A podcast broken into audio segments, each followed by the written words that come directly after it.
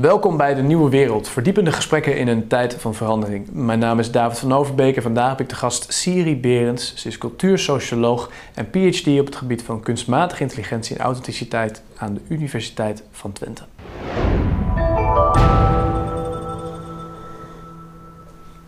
Siri, welkom. Leuk dat je er bent. Je bent ook eerder bij ons uh, geweest. We hebben het uitgebreid gehad ook over AI. En uh, de reden eigenlijk voor dit gesprek is dat wij onlangs, uh, zoals veel mensen denk ik, de Social Dilemma hebben gezien. Een documentaire die ook uitgesproken gaat natuurlijk over AI en over Big Tech. Ja. En wij spraken elkaar erover, en misschien even voor de kijker, maar we hadden wel wat gemengde gevoelens erbij. Volgens mij aan de ene kant waren we allebei wel blij dat er nu een, een breed bekeken documentaire is die spraakmakend een beetje de hot topic zeg maar, onder woorden brengt en ook in beeld brengt. Zeker. Maar tegelijkertijd hadden we ook het idee dat er toch dingen nog niet helemaal uh, tot zijn recht komen in die documentaire. En Jij schreef daar een artikel over op, uh, op Setup. Kunnen ja. mensen ook bekijken in de link van deze video als ze het willen. Um, maar daarin, laten we daar eens wat meer over gaan praten. Eens kijken wat daar precies, wat we daarvan vinden van de social dilemma. Ja. Um, in eerste instantie wat opviel is dat jij zegt... de documentaire lijkt, wordt heel erg bekeken vanuit een, een soort dader-slachtoffer frame. Ja. Wat bedoel je daarmee? Um, nou, dat, dat het heel erg uh, wordt benaderd vanuit de verklaring dat wij slaven van ons brein zijn. Um, dat, uh, ja, dat we eigenlijk een soort van volledig overgeleverd zijn aan de superalgoritmes van Big Tech. Mm -hmm. um, en dat, ja, ik vond het. Mirjam Rasch had een hele goede column geschreven en zij noemde dat huistuin- en keukendarwinisme. Dat dat wel een hele uh, magere benadering is van wat de mens is. En uh, ja, dus ik voelde dat het heel erg werd benaderd vanuit, het, vanuit dat, dat Darwinistische frame. Van, van dat wij slaaf zijn van ons reptiele brein. En dat we alleen maar ja, als een soort overgeleverde alleen maar de hele tijd instant kunnen reageren op notificaties. En dat, daar zit natuurlijk ook wel een kern van waarheid in. Maar daarmee zet je de gebruiker automatisch weg in de passieve hoek. Ja. En de ontwerper maak je daarmee de almachtige meester. Dus Mm. zolang zij niet hun technologie minder verslavend ontwerpen, zijn wij lost, zeg Ja. maar. Ja. Eh, en dat, dat vind ik, ja, ik denk dat je daarmee juist de, de, de tech-industrie veel, veel meer macht geeft dan misschien nodig is, zolang we meegaan in dat frame. Hmm. Dus eigenlijk inderdaad, Silicon Valley wordt daar een beetje neergezet op big tech als soort big evil. Hè? We tegen wij eigenlijk geen, daar kunnen wij eigenlijk niks tegen doen, want we hebben maar gewoon uh, op basis van onze geschiedenis en onze evolutie een soort reptiele brein ontwikkeld wat gewoon bespeeld kan worden door big tech. Dat is heel erg de teneur die daarin zit in die documentaire. Ja. En waarom doet dat misschien meer kwaad dan goed, zo'n zo'n frame volgens jou? Um, nou ja, ik denk dat, um, dat we daardoor de oplossing in de verkeerde hoek gaan zoeken. Dus ik, ik vind dat ze in de documentaire het probleem te eenzijdig duiden. Mm -hmm. Uh, en dat ze daarmee eigenlijk dat hele kritische, technologie-kritische narratief kapen. Uh, er zijn heel veel mensen die al, al heel lang ook bezig zijn met waarschuwen hiervoor. Uh, en die dat veel ja, treffender en beter kunnen doen. Yevgeny Morozov, um, Virginia Eubanks, Ruja Benjamin. Er zijn heel veel mensen die, die vanuit een veel breder perspectief kijken naar, naar, naar het probleem. Ja. Maar jouw vraag was? Van wat is het problematisch inderdaad precies aan dat, aan dat dader-slachtoffer Als wij zo over onszelf denken, ja. wat voor kwaad doet het allemaal niet? De manier waarop wij denken over AI zelf. Nou ja, dat we daarmee altijd ook afhankelijk blijven van deze industrie. Omdat uh, nou ja, als je kijkt wat erachter zit, dan is het toch de redenering: uh, wij zijn ons brein. Um, een, het brein is een computer, maar eigenlijk het brein is een soort slappe computer. Op een gegeven Mhm. moment legt Tristan Harris dat ook uit in de Social Dilemma.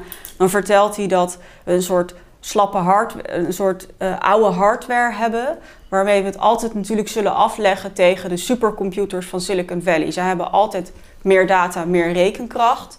Dus wij zullen het altijd afleggen daartegen. Um, en dat, dat is, nou ja, goed, dat kun je bediscussiëren. Wij zijn niet ons brein. Um, uh, het is heel belangrijk om te kijken naar de verknoping tussen omgeving, lichaam en brein. Uh, daar zijn allerlei hele goede neurowetenschappers, maar ook filosofen die daar boeken vol over hebben geschreven. Over mhm. dat dat een te uh, deterministische benadering van, van de mens is. Um, en en we, we, lopen daardoor ook heel erg weg met die belofte van AI. En, en we, we kijken heel erg naar kunstmatige intelligentie alsof het een neutrale technologie is. Maar daar zit een bepaalde ideologie achter. Alleen al de term intelligentie bijvoorbeeld. Ehm, ja, dat, je, kan er je kan er naar kijken als een vorm van intelligentie, maar het gaat eigenlijk voornamelijk over rekenkracht, wiskundig modelleren. En intelligentie is natuurlijk veel meer dan dat. En het is helemaal waar dat rekenkracht exponentieel is gegroeid. Maar dat zegt niet dat intelligentie ook exponentieel is gegroeid. En dat deze computers op een soort magische, mythische wijze ehm, zich gaan ontwikkelen richting mensachtige intelligentie. Dat zie je ook wel heel erg in die Silicon Valley-ideologie. Dat er wordt heel erg geanthropomorfiseerd. Dus we dichten allerlei menselijke eigenschappen toe mhm. aan AI. Uh, ook, ook door de, de woorden die we gebruiken, uh, machine learning. En dan denk je heel erg aan hoe, hoe wij leren bijvoorbeeld. Um, Laten we daar zo nog eens wat verder op ingaan. Laten we even kijken van wat daar precies gebeurt. Maar in eerste instantie zei jij van um, de mensen die aan het woord komen in deze documentaire, viel mij ook op inderdaad. Dat zijn toch vooral mensen die vroeger ook in Silicon Valley hebben gewerkt. Of bij Google of bij Facebook of wat dan ook.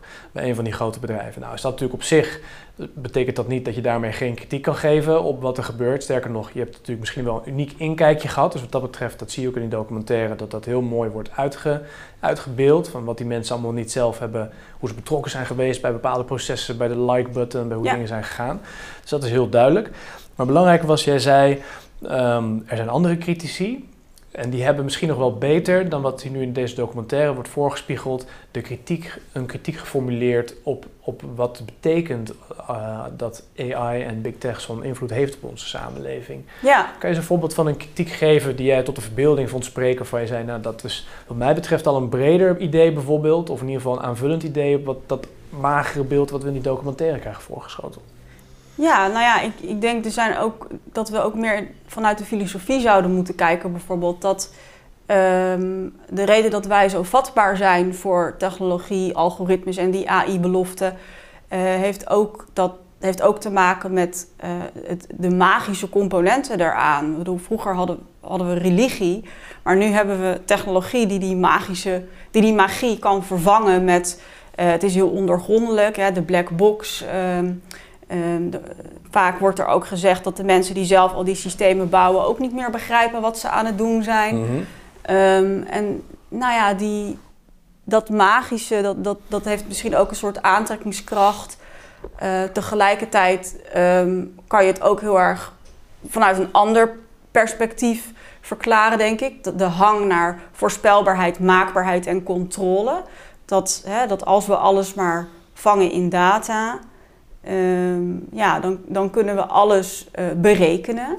Je ziet ook heel erg dat we steeds meer domeinen van ons leven, ook onder invloed van die grote AI-beloften, zijn gaan onderbrengen uh, in, uh, in wiskundige computerlogica. Denk aan dating, het selecteren van een geschikte kandidaat voor sollicitaties. Mm -hmm. de overheid gebruikt de modellen om uh, criminaliteit en fraudeurs te voorspellen en wie er gaat frauderen te voorspellen.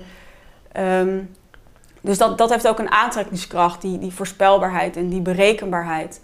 Maar wat, wat, wat je aan het begin zei van dat, dat je dus inderdaad de kritiek hebt van binnenuit en de kritiek van daarbuiten. Ik denk dat een belangrijke voorwaarde van goede feedback is dat je kan niet, je, je hebt altijd een blinde vlek voor jezelf. Hmm. Juist omdat je zo lang eraan hebt gewerkt. En in Silicon Valley is ook een hele erge bubbel. Ja. Ook wel een hele erge elitebubbel met hè, hoeveel geld er wordt verdiend. En, ehm, en ik denk dat je daardoor altijd een blinde vlek hebt voor jezelf. En dat als je dus iets goed wilt analyseren en doorgronden en bekritiseren, dat je dan altijd ook uh, andere perspectieven van buitenaf nodig hebt. En dat het heel gevaarlijk is als we alleen maar blind gaan aanlopen achter de kritische analyse die van binnenuit komt. Ik denk dat het elkaar kan versterken. Ja. en dat we dat zouden moeten proberen. Ja, het is wel opvallend inderdaad dat, dat natuurlijk er vrij weinig stemmen echt van buitenaf aan het woord worden gelaten in die documentaire. Dat het toch vooral inderdaad mensen Nou, zijn die, Ja. die er ook in hebben gewerkt. Ja, zeker. Nou ja, dat, je, je ziet bijvoorbeeld wel dat ehm Jaron Lunaire, Lunaire ehm, Cathy O'Neill en Zuboff, die komen aan het woord. Mhm. Dat zijn ehm, ja, mensen die niet in de tech-industrie hebben gewerkt, maar zich wel al heel lang met die problemen bezighouden. Maar die komen dan pas aan het einde aan het woord. En eigenlijk alleen maar om de, eh, de dingen die de voormalige tech-insiders hebben gezegd te bevestigen. Dus uiteindelijk is toch inderdaad, zijn het die voormalige tech-insiders, ehm, eh, die, die, en het dader-slachtofferframe waar de aandacht op ligt. En Ja. niet, het is leuk dat Cathy O'Neill aan het einde nog even mag uitleggen dat eh, algoritmes meningen verpakt in code zijn, maar dat, dat is pas aan het eind en heel kort. Dus ja. Snap ik. Dus, maar eigenlijk als ik, als ik jou zo hoor, dan ehm, de vraag die gesteld wordt van AI, dat is een bepaalde techniek eigenlijk. En, een soort, eh, en die kunnen we voor goed of voor slecht inzetten. Dat is eigenlijk helemaal niet de vraag waar het om gaat. Als Nee. ik jou goed begrijp, gaat het veel meer om hoe we ermee omgaan. Het is meer een soort culturele vraag eigenlijk. Hoe Ja. wordt AI, hoe, hoe, hoe, wat voor plaats heeft dat in onze cultuur? Ja, Hoe zeker. denken. Ja, en niet alleen eh, wat voor plaats heeft het in onze cultuur, maar ook hoe beïnvloedt het hoe we naar de mens kijken en hoe we naar de Mhm. wereld kijken. Nou is natuurlijk veel mythevorming rondom AI. Ik bedoel, er is heel veel hype, heel veel het toepassingsbereik van AI en big tech wordt natuurlijk enorm overschat. Eh, er wordt heel veel over gesproken. Ja. Onlangs zagen we bijvoorbeeld in de, eh, een rapportage over de Cambridge Analytica-schandaal dat het aantal, dat, ja, de, de manipulatie waar dan over gesproken werd van Cambridge Analytica, Mhm. wat zij zouden kunnen doen met de, met de gebruikers, gebruikersinformatie van Facebook, dat dat schromelijk overschat eh, Ja. was. Zien we hier nou, eh, zeg je eigenlijk ook, er is sprake van een soort bubbelvorming in de zin van we- dichten het veel te veel toe en Ja. eh, we dichten het veel meer dingen toe dan het daadwerkelijk eh, voor ons zou kunnen betekenen. Ja, en het verandert ook onze definitie van wat wij indrukwekkend en goed vinden. Want Mhm. Ehm, ja, je kan zeggen van kunstmatige intelligentie is, wordt bijvoorbeeld steeds beter in eh, eh, lezen. Of ja, lezen zoals dat dan wordt gezegd. Maar ja, er zijn dan ook weer allerlei experts die zeggen... ja, maar ze zijn goed in lezen omdat wij zo ontzettend slecht in lezen zijn geworden. Omdat we dus ja, eh, alleen maar hele kortstondige teksten de hele tijd krijgen. Dus die technologie beïnvloedt ook weer hoe wij lezen en, hoe, en onze leesvaardigheid. Mhm. Ehm, dus dat, ja, dat, die mythologisering dat AI zo alles zo supergoed kan, dat heeft ook te maken met wat wij dan definiëren als iets supergoed kunnen. Mhm. Als je alles definieert in termen van tekstverwerking of in termen van informatieverwerking, ehm, eh, of, dan, dan is het ook heel makkelijk om te zeggen dat de computer daar beter in is. Want ja, dat is zo. Als het gaat om rekenkracht en modelleren, is de computer daar beter in. Maar er zijn natuurlijk heel veel aspecten die niet gaan om informatieprocessing. Dan, dan wordt er gezegd van, ehm, dat, daar zie je nu ook heel veel in de media over van, ehm, AI, AI is beter in het diagnosticeren van huidkanker dan een dermatoloog. Mhm. En dermatologen zeggen dan, ehm, nou ja, dat als je, als, je, als je ons vak opvat als alleen maar kijken naar, eh, alleen maar heel erg sec kijken naar zo'n foto en dan een analyse maken, ja, dan misschien wel. Maar er komt veel meer bij kijken. De wegingen, Ja. het duiden, de context, eh, dat, dat maakt eigenlijk eh, een goede diagnose of niet. Mhm. Dus, ja, dus die mythologisering hangt er ook vanaf wat wij definiëren als goed. Of, ja. Ja, nou ja, dat is ook interessant, want eigenlijk in de documentaire zou je misschien kunnen zeggen, zie je heel sterk dat de nadruk wordt gelegd op hoe vanuit Big Tech zeg maar, wordt gekeken naar de mens of de eindgebruiker als soort weerloos slachtoffer, dan wel met een reptiele brein, het huistuin-keuken-Darwinisme, wat je net al inderdaad heel, eh, heel beeldend eh, noemde. ja, Maar eigenlijk gaat het dus ook, sla je daardoor een stap over, als je het zo overbelicht, namelijk de stap hoe wij mensen überhaupt al denken over techniek. ja. Dus wat wij AI zelf toedichten, waarvan we denken wat, we, wat het vermag, wat het Mhm. voor invloed op ons zou kunnen hebben, wat het ons kan brengen misschien. ja. Dus dan is het misschien toch in die zin die, die, die mythevorming die daar ook gebeurt om het toepassingsbereik van AI heen, Mhm. de hype die er ook mee gepaard gaat, die doet misschien ook juist meer kwaad dan, dan goed wat dat betreft Ja. voor de ontwikkelingen van AI zelf. Omdat Zeker. Nou ja, er zijn ook eh, heel veel insiders die zeggen van hou alsjeblieft op met die, ehm, ja, dat, dat- die mythologisering. En ook in de media wordt dat heel erg gedaan. Omdat het uiteindelijk onrealistische verwachtingen schept. Mensen raken teleurgesteld. Eh, we gaan het op verkeerde manieren inzetten waar, ja, waar het eigenlijk niet zo'n goed idee is. Terwijl het heel nuttig kan zijn als we het op waarde weten te schatten. Ja. En als we niet ons hele mensbeeld en wereldbeeld erdoor laten vermageren. Eh, Ja. Dus het is helemaal niet dat ik tegen AI ben, maar ik denk dat we het beter moeten, de kwaliteiten er beter van moeten contextualiseren. En, Ja. ja. Ja, want als je het ook samenneemt met dat wat jij net noemde, wij zijn ons brein, met zo'n idee over, je- over hoe je jezelf opvat en andere mensen, dan lijkt de oplossing ook weer te zijn, als het probleem bij AI ligt, nou, dan moeten we dus gewoon betere AI hebben. Dat lijkt dan heel simpel de Zeker. oplossing te zijn. Nou ja, dat zag je ook natuurlijk in de social dilemma. Dat, dat ik, ik, ik had het idee dat ze toch wel voornamelijk de oplossing. Dat, dat het toch heel erg als een ontwerpvraagstuk werd gepresenteerd. Hmm. Wij hebben de technologie verslavend gemaakt. Ja. En als we nu de technologie minder verslavend maken, dan zijn alle problemen opgelost. Dus vertrouw ons weer opnieuw. We gaan nu humane computers maken. Ja. En die gaan het allemaal goed doen. Ja. Nou ja, goed, dat, dat, ik denk dat dat niet, eh, niet het hele verhaal is. Nee. Nou is natuurlijk, ehm, nou is het van jou bekend, je dat jij zelf, jij maakt geen gebruik van, van eh, al heel lang niet van smartphones of van andere, dat soort digitale eh, technologieën. Heb jij nou ook een ander perspectief voor jezelf op, op, kijk je er ook met heel anders ogen tegenaan dan veel van je vrienden misschien die wel inderdaad daar gebruik van maken? Eh, nou, ja, ik maak wel veel gebruik van digitale technologieën, maar ik heb inderdaad geen smartphone en ik zit niet op social media. Ja. Ehm, Ook om de redenen die geschetst werden, onder andere in de documentaire. Ja, ik ben, ik, ja, eigenlijk wel. Ik heb, toen het allemaal in opkomst was, toen vond ik het veel te aandachtstrekkend. En, en ja, ik merkte dat, dat ik, je, je raakt focus kwijt en, en dat vond ik niet fijn. Dus Ja. het waren meer persoonlijke drijfveren. En ik zag ook wel de negatieve kanten ervan in. Maar ja, ik kreeg toen altijd heel veel kritiek. Ik werd echt als, als gek weggezet. Ehm, en, en, en nu is het zo dat, het wel veel meer, eh, dat er veel meer begrip voor is. Maar wat jouw vraag, van, jouw vraag was of ik daardoor anders naar smartphones kijk? Of, Ja, of dat je inderdaad Ja. een, een, een, ander beeld inderdaad hebt op, eh, op, te- op, op digitale technieken dan, dan bijvoorbeeld je de vrienden om je heen die je ziet of je collega's. Nou, ik zie wel, ja, ik zie natuurlijk wel veel meer de, eh, ja, de hoeveelheid tijd die het, die het trekt. Omdat ik niet de hele tijd op mijn telefoon zit en zij wel. Ja, dat zie ik wel daar eh, verschillen in. Maar ook dat overal, overal zijn wel apps voor. Nou ja, dat, die gebruik ik allemaal niet. Dat we ook heel langzaam aan, niet meer we zitten niet meer in tech solutionism, maar in app solutionism. Dat ja, dat, en, en, en dat merk je niet als je, als je altijd al een smartphone hebt gehad. Van nou, er is hier een app voor, er is daar. We gaan mediteren met een app, we gaan corona bestrijden met een app. Dat je dat eigenlijk niet zo door hebt als je al van begin af aan altijd apps gebruikt hebt. En ik, ja, ik doe Ja. dat wat minder dan. Maar... Ja.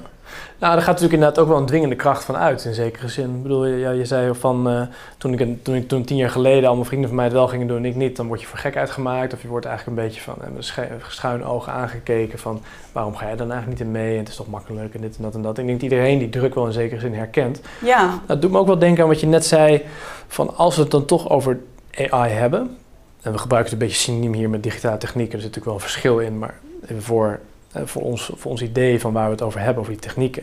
ja. Ehm, dan doen we er beter aan, eigenlijk als ik goed begrijp, als we het niet zien als gewoon neutrale techniek, maar als we ook stilstaan bij dat het een soort manier van denken is, een, een ideologie bijna noemde je het. Klopt dat? Dat, dat, dat, dat zou je kunnen zeggen, die dwingende kracht. ja. Dat hoort natuurlijk ook eigenlijk echt bij dat beeld van AI als een soort ontwikkeling die mensen binnensluit en buissluit. En je hebt voorlopers, je hebt achterlopers, je hebt mensen die meedoen en niet meedoen. En ja. dat hoort er natuurlijk heel sterk bij dan. Ja, en je, en je, je stelt daardoor bepaalde vragen niet meer. Het wordt zo'n vanzelfsprekendheid.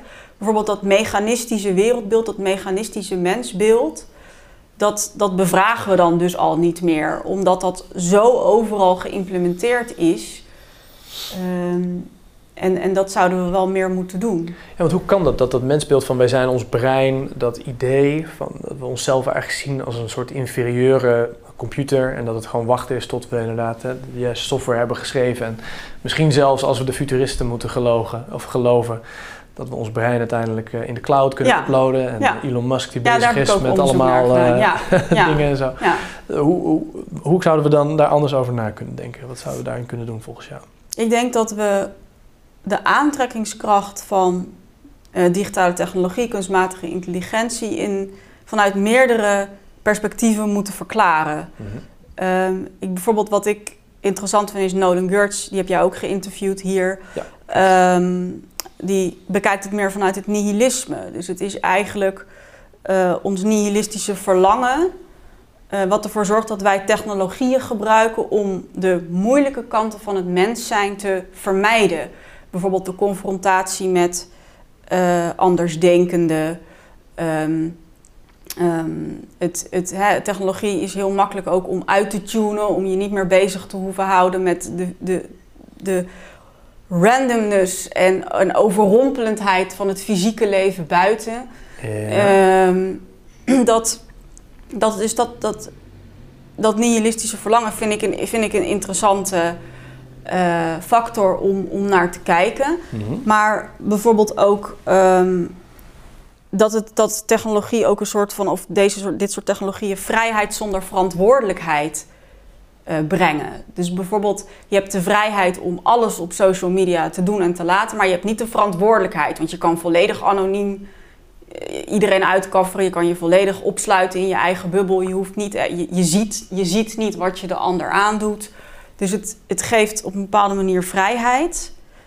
Ehm, maar je hoeft er niet te, je hoeft er, je hoeft die verantwoordelijkheid die heb je niet. En Ja. boven, dat zit ook heel erg in dat wij zijn ons breinverhaal van ja, en de vrije wil is ook maar een illusie. Want ja, dat is wel lekker makkelijk natuurlijk. Want dan, dan, hoef je zelf ook niks meer te doen. Dan is alles, het leven is gewoon een aaneensluiting van oorzaak en gevolg. En we hebben wel de indruk dat we invloed hebben, maar eigenlijk hebben we dat niet. Wordt ons dan wijsgemaakt. Ik denk dat dat, ja, ik denk dat, dat mensen dat comfortabel vinden of zo. Ja. En vanuit het narratief van wat, wat Nolan Gertz eigenlijk daar schept, daar kan, je, daar kan je daar wat licht op schijnen. Op, op die andere kant van AI, dat het ons aan de ene kant ons verlangen een beetje om ehm, dat we het leven makkelijker willen maken en dat we een beetje de, de, de uitdagingen die in het dagelijks leven besloten liggen, de, de moeilijkheid die het ook soms gepaard kan gaan met ehm, eh, sommige conflict situaties of eh, andere sociale interacties, dat we die willen uitsmiddelen en willen uitsmeren, willen afvlakken eigenlijk ja. dat, dat social media, of sorry, dat digitale technologieën ons daarbij helpen om dat te kunnen doen. Maar hoe, hoe Maar- doen ze dat dan? Hoe, hoe, Ja. hoe helpen ze ons daarbij? Ehm, nou ja, ik denk gewoon door bijvoorbeeld als je zodra je online gaat, hè, dan krijg je alleen maar dingen te zien die, waarvan algoritmes vastgelegd hebben dat dat bij jouw profiel past. Ehm, Er vindt al een selectie plaats eigenlijk, een soort keuzeselectie. ja, precies. Ja. Dat, dat is natuurlijk prettig omdat je dan ehm, ja, niet meer geconfronteerd wordt met dingen die jouw wereldbeeld tegenspreken. Hm. Het is, probeer maar eens een tijdje ergens in een ruimte of buiten te gaan zitten zonder smartphone. Dat, ja, dat vinden mensen ongemakkelijk. Het is gewoon handig om, om even gewoon niet bezig te zijn met de buitenwereld. En Ja. tegenwoordig als je zonder smartphone buiten zit, vooral als vrouw in je eentje, dan, eh, dan eh, eh, komt, er, er komt er iemand naar je toe, want die, die, die denkt dat het een uitnodiging is omdat je versierd wil worden. Bijvoorbeeld als je in je eentje in een parkje zonder telefoon zit. Zeg maar dus maar. andersom is een smartphone gebruiken ook een hele handige manier om aan te geven, nou nu even niet. Ja, precies. Je kan, Ja. je, je kan je afsluiten voor sociaal contact. En als je dat niet doet, dan, Ja. ja, dan, dan is er wel ruimte voor sociaal contact. Ja. Maar dan moet dat ook meteen een betekenis hebben of iets. Nou ja, goed. Ik weet ja. Nou ja, je zei het ook van, ehm, natuurlijk aan de ene kant, het geeft een soort vrijheid, maar daarmee gaat de verantwoordelijkheid die ermee gepaard gaat, die wordt eigenlijk een beetje ontkoppeld daarvan.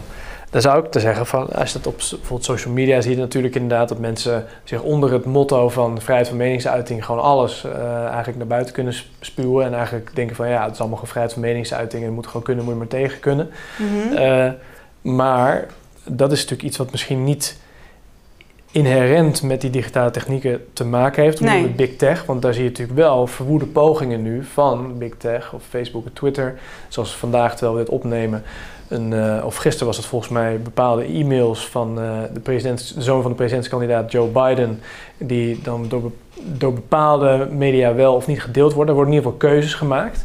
Ja, Zie je toch dat er wel pogingen worden ondernomen om dat wat meer gestalte te geven. Zeker. niet alleen maar vrij, 100% Ja. vrij te laten zijn, zeg maar. maar ja, precies. Maar wat je daar dus weer in ziet, is dat het antwoord dan dus weer is: we gaan het oplossen met AI, met algoritmes die dan gaan cureren wat dan door mag gaan voor verkeerde en goede content. Ja. En wat ik dus ook interessant vind, is je hebt bijvoorbeeld nu ook eh, als antwoord op alle dystopie die in de social dilemma wordt uitgelegd, komt er nu een social media platform wat als ontwerpuitgangspunt kindness heeft.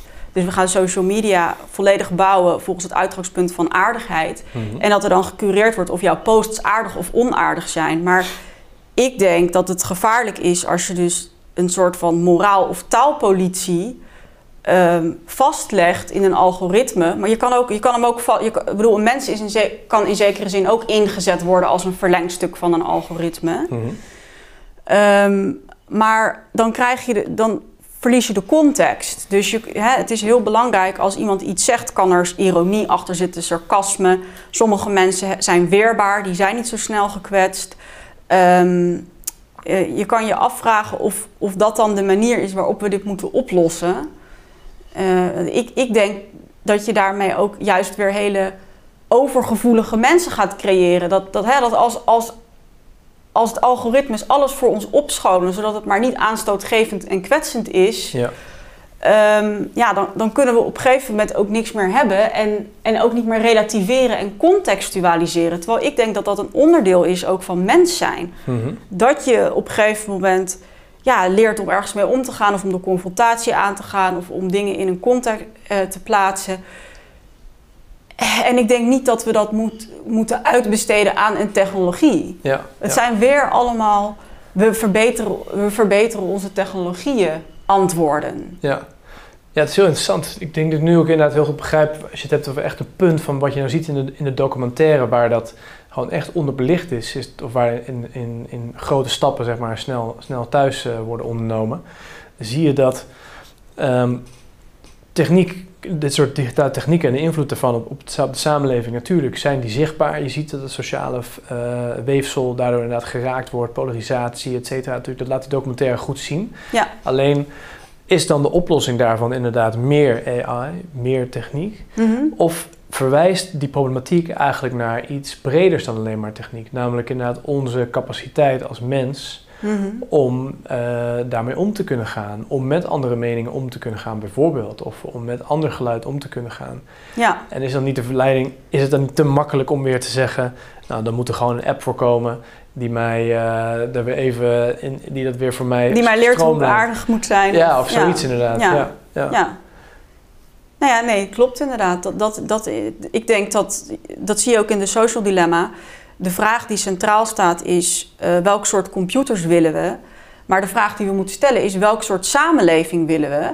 En, en ik denk ook dat we vaker moeten kijken, welke dingen willen we wel en niet aan computerlogica uh, uh, uitbesteden? En in wiens belang is dat? Is dat Ja. in ons belang of is het vooral de industrie die daar belang bij heeft? En ja, en, en, als, oh, en als wij denken dat wij er belang bij hebben, dan komt dat vaak, kan dat ook weer te maken hebben met de ideologie waar wij al heel lang mee worden ja, omringd.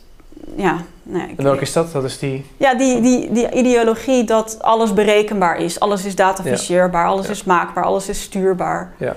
Ja. Ja, Dat is eigenlijk ons geloof daarin. Dat, dat zorgt er eigenlijk voor bij onszelf dat we, als we op zoek gaan naar oplossingen voor de problemen die we tegenkomen, dat we al vrij snel kijken naar oh, wat kan. Wat zou, eh, wat zou een app voor ons daar makkelijker kunnen maken? Wat zou een eh, Silicon Valley daarin voor ons kunnen betekenen bijvoorbeeld? Of dat we ze heel veel ja, capaciteit toedichten eigenlijk om die problemen voor ons oplossen, op te Ja. lossen. Ja, het is de vraag, kunnen we dit ook zonder een computer of zonder een algoritme? Dat, dat is bijna taboe. Dat Ja, is bijna, eigenlijk helemaal niet op. dan word je gelijk geframed als anti-vooruitgang. Of Ja, wat dan ook. ouderwets terwijl, zo, terwijl dat niks met vooruitgang heeft niks te maken met eh, betere tools bouwen. Maar volgens mij veel meer met, eh, nou ja, kijk ook naar de coronacrisis. Met de politieke, sociale, economische systemen waar we in zitten. Het zit juist heel erg in die... eh, in, al- hè, in, al die, in, in hoe al die dingen met elkaar samenhangen. En niet Ja. alleen in die, die, die, die tools. Ja. Ja, en dus onze capaciteit eigenlijk om daarmee om te kunnen gaan als, als, als mens met de problemen die onlosmakelijk met het leven tegenkomen. Mhm. Eh, daarvan zit denk ik inderdaad in die technologie, die, die verleiden ons natuurlijk om daar gebruik van te maken, omdat we op een eenvoudige en een soort gestreamlinede manier eh, allemaal ervaringen kunnen opdoen. Maar dat heeft natuurlijk ook allemaal consequenties. ja. En nou, zei je in het begin eventjes van, kijk, die algoritmes, dat zijn natuurlijk gewoon bepaalde manieren om patronen te versneld eh, te kunnen herkennen en om ze door te kunnen zetten, om data om te kunnen zetten. Maar ergens zit natuurlijk gewoon iemand zit dat te ontwerpen. ja. En ergens moeten ook normatieve keuzes gemaakt worden. Ja. Ergens moet bepaalde content wel of niet gefilterd worden of wat dan ook. Ja. Nou zijn die bedrijven natuurlijk allemaal private ondernemingen die ook eh, het idee van het aandeelhouderskapitalisme, dat zit natuurlijk daarin gewoon opgenomen. Die bedrijven die hebben natuurlijk gewoon een beurswaardering. Die moeten natuurlijk denken aan de korte termijn winst. Die kunnen misschien niet dingen doen die ze zouden willen doen of die nodig zijn Mhm. zouden we dit soort bedrijven. Is het eigenlijk wel goed dat dit soort bedrijven in, volledig in private handen zijn? Als het over dit soort vragen gaat. Zoals ehm, eh, over wat het doet met ons sociale, sociale mens zijn. Eh, nee, ik denk, ik denk dat dat niet goed is. Maar ik denk dat we ook wel. Ja, er zit natuurlijk ook nu een heel groot topic met eh, hoe reguleren we big tech en het opbreken van Facebook en Google. Maar eh, ik, ik, dat is goed, maar ik vraag me af of, daar, of, of dat het hele verhaal is. Dat is zo, hè, wat ik zei, van zolang wij ook verlangen dat de kunstmatige intelligentie onze gebrekkige computer gaat verbeteren en upgraden, ehm, komt er gewoon weer een Google 2.0 of een Facebook 2.0, ook als je hem opbreekt of anders inricht. Omdat als je die kunstmatige intelligentie wilt trainen, heb je gewoon heel veel data nodig. Die data moet ergens vandaan komen. Ehm, ik weet niet, ik heb het gevoel dat we dan weer in ditzelfde loopje zitten. Dat het gewoon, ja, het kapitalistische systeem, die, die, ja, die zorgt ervoor dat het dan weer op dezelfde manier verder gaat. Ja, dus eigenlijk inderdaad die, die discussie die je nu hoort over eh, het opbreken van Google en Facebook, wat natuurlijk steeds luidere stemmen die komen op en dat komt ook steeds hoger in de, in, in de politieke processen, bijvoorbeeld in de Verenigde Staten, Ja. is natuurlijk nu heel erg sterk. Maar Facebook zegt zelf ook, reguleer ons maar, breek ons maar op. Dus, of, of, ja, zij, nou, willen ja, ook, zij- zij willen ook strengere regels zelf. Dat wel, maar voor Ja. ze niet opgebroken worden. Dat, is Nee, dan weer, maar- dat is dan weer te veel kapitaalverlies natuurlijk. Ja, maar ze Eh, vragen wel om die regulering. Dat is Ja. natuurlijk logisch, want dat... Ja, dat kunnen dat- ze zelf, hebben ze gewoon moeite mee. Het Ja. is natuurlijk ook iets waarvoor ze denk ik ook wel aanvoelen dat dit, ja, dit behoort eigenlijk binnen een soort democratisch proces. Dit hoort Ja. breder te liggen dan alleen maar een aantal engineers en wat consultants omheen of misschien een focusgroup of wat dan ook. Dit, is natuurlijk, dit zijn keuzes die gaan over, die raken aan de fundamenten van, van een samenleving, Ja. een liberale rechtsstaat. Ja. Ja. Maar zeg je natuurlijk ook, eh, het opbreken daarvan, dat is eigenlijk maar een schijnoplossing. Want het echte, het echte probleem en de tekortkoming van die documentaire is dus dat ook daarin weer zien we een soort vermenigvuldiging van een bepaald manier van denken. Ja. Eh, dus eh, wij, wij zijn ons brein, we zijn een gebrekkige computer, eh et cetera. En Ja. dus hoe kunnen we nou, dat is misschien eh, filosofisch op, of eh, niet, niet eenvoudig om daar een antwoord op te geven, dat snap ik, maar misschien kunnen we het toch verkennen. Hoe zouden we nou anders kunnen denken over zo'n zo'n fundamenteel onderdeel van ons wereldbeeld? We zijn ons brein of Ja. we zien onszelf als een gebrekkige computer. Hoe, hoe, kunnen, hoe zouden we daarbij stil kunnen staan? Ja, ik denk dat historisch besef heel belangrijk is. Dat je ziet heel veel dingen die nu over kunstmatige intelligentie worden gezegd en geschreven, dat die ook vroeger over, toen nieuwe technologieën opkwamen, ook werden gezegd. Dus dan kun je het wat meer in perspectief plaatsen en wat beter nuanceren. Dat miste ik ook heel erg in de social dilemma, de historische eh, context. Hm. Ehm, en even je vraag was. Ja, dus hoe, deze, hoe, deze, hoe we er beter over na kunnen denken over dat, dat mensbeeld dat zo hardnekkig in ons hoofd zit van we zijn ons brein, we zijn een gebrekkige computer. Nou ja, inderdaad, dus historisch besef is heel belangrijk. Maar daarnaast denk ik ook, um, de media moet, moet AI niet zo hypen. Dus de AI-hype die moet genuanceerd worden. Daar moet uh, vanuit goede journalistiek of goede programma's moet daar af en toe wat nuance bij gebracht worden. We moeten stoppen met het antropomorfiseren van kunstmatige intelligentie. Dus de hele tijd ja, menselijke eigenschappen toedichten oh op AI. Dat we, dat we de hele tijd denken dat AI een soort uh, superbrein is. En hè, onze manier van praten en denken daarover um, uh, aanpassen. En stoppen met dat tech-solutionism. Dus de hele tijd denken dat technologie, dat technologie het antwoord is op de problemen, op een technologisch probleem. Ja. Ja, dat zijn duidelijke voorbeelden. En je zou ja. misschien met dat een van een vraag bij hebben, is denk ik dat historicisme, of het, eh, sorry, het, de, de, rol die geschiedenis speelt, een soort kennis daarvan, van de verschillende, uh, hoe daar in het verleden ook tegenaan zit. Technologie, technologie is natuurlijk iets wat met mens zijn samenhangt, wat al sinds onze evolutie inderdaad hebben we allerlei verschillende instrumenten om ons heen gemaakt die onze relatie met de werkelijkheid veranderen en mm. daar ook ons in helpen of niet. Ja. Er zijn goede gevolgen uitgekomen, ook slechte gevolgen natuurlijk. Ja. Uh, een historisch besef, zeg jij, kan al helpen bij het overwogener stilstaan bij wat AI allemaal wel niet kan, ja of nee? Of wat we van techniek kunnen verwachten. Ja, dat denk ik wel. In welke zin, wat zouden we daarvan kunnen leren? Um, nou ja, dat we uh, ons mensbeeld altijd heel erg, heel erg hebben opgehangen aan de technologie die op dat moment uh, populair is. Ja. Uh, nou, ik denk dat dat al een hele belangrijke les zou zijn. En dat, dat het ook ons minder gevoelig maakt voor hypes en de hele tijd de antwoorden alleen maar in het, in het heden en in de toekomst zien. Ik denk ook dat de reden dat we allemaal zo weglopen met die science fiction narratives, ja, dat heeft misschien ook wel te maken met ja, uh, gebrek aan historisch besef. Ja, een soort verlangen naar, naar een oplossing die eigenlijk al die problemen wegneemt. Die, of de dingen die we althans die gewoon bij het mens zijn samenvallen, maar die we nu framen als een soort probleem, eigenlijk die opgelost zouden moeten worden. Ja. Want dat is het eigenlijk als ik naar jou luister. Dat het is, we denken dat we problemen hebben, maar eigenlijk zijn het ook gewoon dingen die soms gewoon bij het leven horen. Precies. Maar doordat we ze maar als problemen framen die opgelost zouden kunnen worden, ja.